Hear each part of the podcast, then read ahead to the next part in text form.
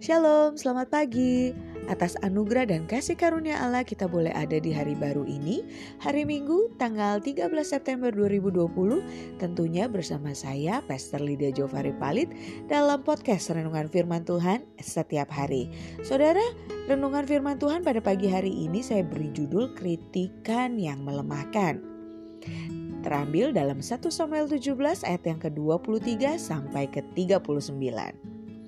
Saudara adalah mudah bagi seseorang untuk menilai dan mengkritik kinerja orang lain.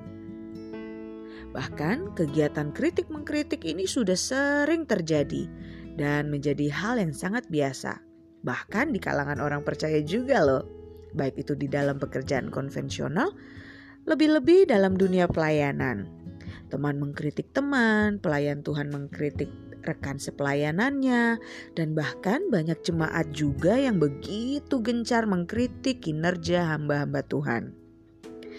Arti kata kritik yang saya pelajari dan saya baca adalah suatu kecaman atau tanggapan, kadang-kadang disertai uraian dan pertimbangan baik buruk terhadap suatu hasil karya, pendapat, dan sebagainya.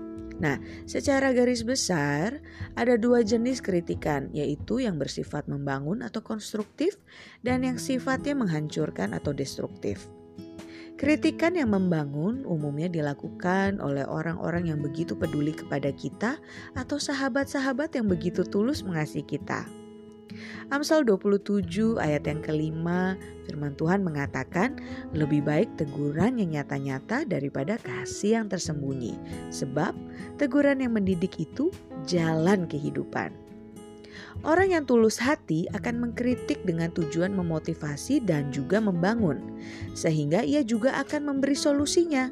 Sementara kritikan yang menghancurkan adalah yang semata-mata bertujuan untuk melemahkan. Kritikan ini cenderung menghakimi dan mencari-cari kesalahan orang lain. Nah, inilah yang sering kali terjadi.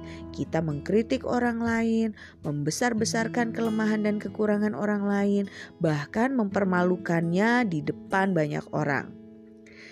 Kritikan yang melemahkan juga pernah loh dialami oleh Daud. Ia dikritik dan diremehkan oleh kakaknya Eliab dan juga Saul. Saul pernah mengatakan tidak mungkin engkau dapat menghadapi orang Filistin itu untuk melawan dia, sebab engkau masih muda, sedangkan dia sejak dari masa mudanya telah menjadi prajurit.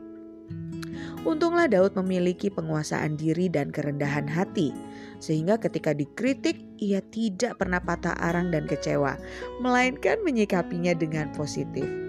Bayangkan saudara kalau andai kata Daud sakit hati pada saat itu, mungkin ia akan bergegas pulang dan ia pun tidak beroleh kesempatan untuk mendemonstrasikan kuasa Tuhan di hadapan Goliat, ya kan?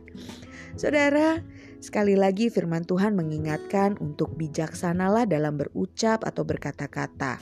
Sebab perkataan anak Tuhan ada kuasa di dalamnya, entah itu baik ataupun buruk, termasuk juga berbijaksanalah dalam mengajukan atau melontarkan kritik.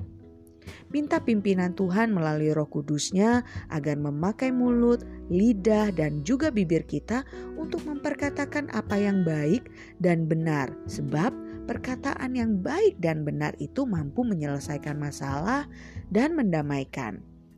Perkataan kebenaran dapat menuntun pada pertobatan. Perkataan kebenaran memang tidak selalu menyenangkan orang yang mendengarnya, karena perkataan kebenaran bisa berupa teguran. Namun, perkataan kebenaran yang diucapkan dengan kasih tanpa menghakimi akan menuntun pada pertobatan. Perkataan kebenaran yaitu firman Tuhan itu sendiri yang dapat membangkitkan iman, menghadirkan kasih dan membawa pengharapan kepada Yesus Kristus.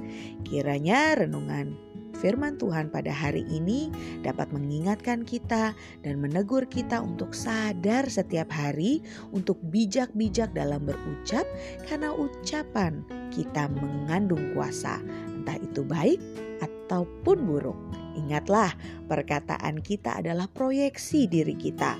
Perkataan kita dapat mencerminkan kedewasaan iman kita, dapat mencerminkan kematangan jiwa kita, dapat mencerminkan kedekatan hubungan kita dengan Tuhan, dan dapat mencerminkan ketulusan serta kebersihan hati kita. Perkatakanlah perkataan firman Tuhan yang membangun dan memberkati agar kita hidup di dalam sukacita Allah senantiasa. Mulailah hari ini dengan membaca dan merenungkan firman Tuhan, serta hiduplah dalam ketaatan dan sukacita Allah. Selamat pagi, selamat berhari Minggu, selamat beribadah. Tuhan Yesus memberkati.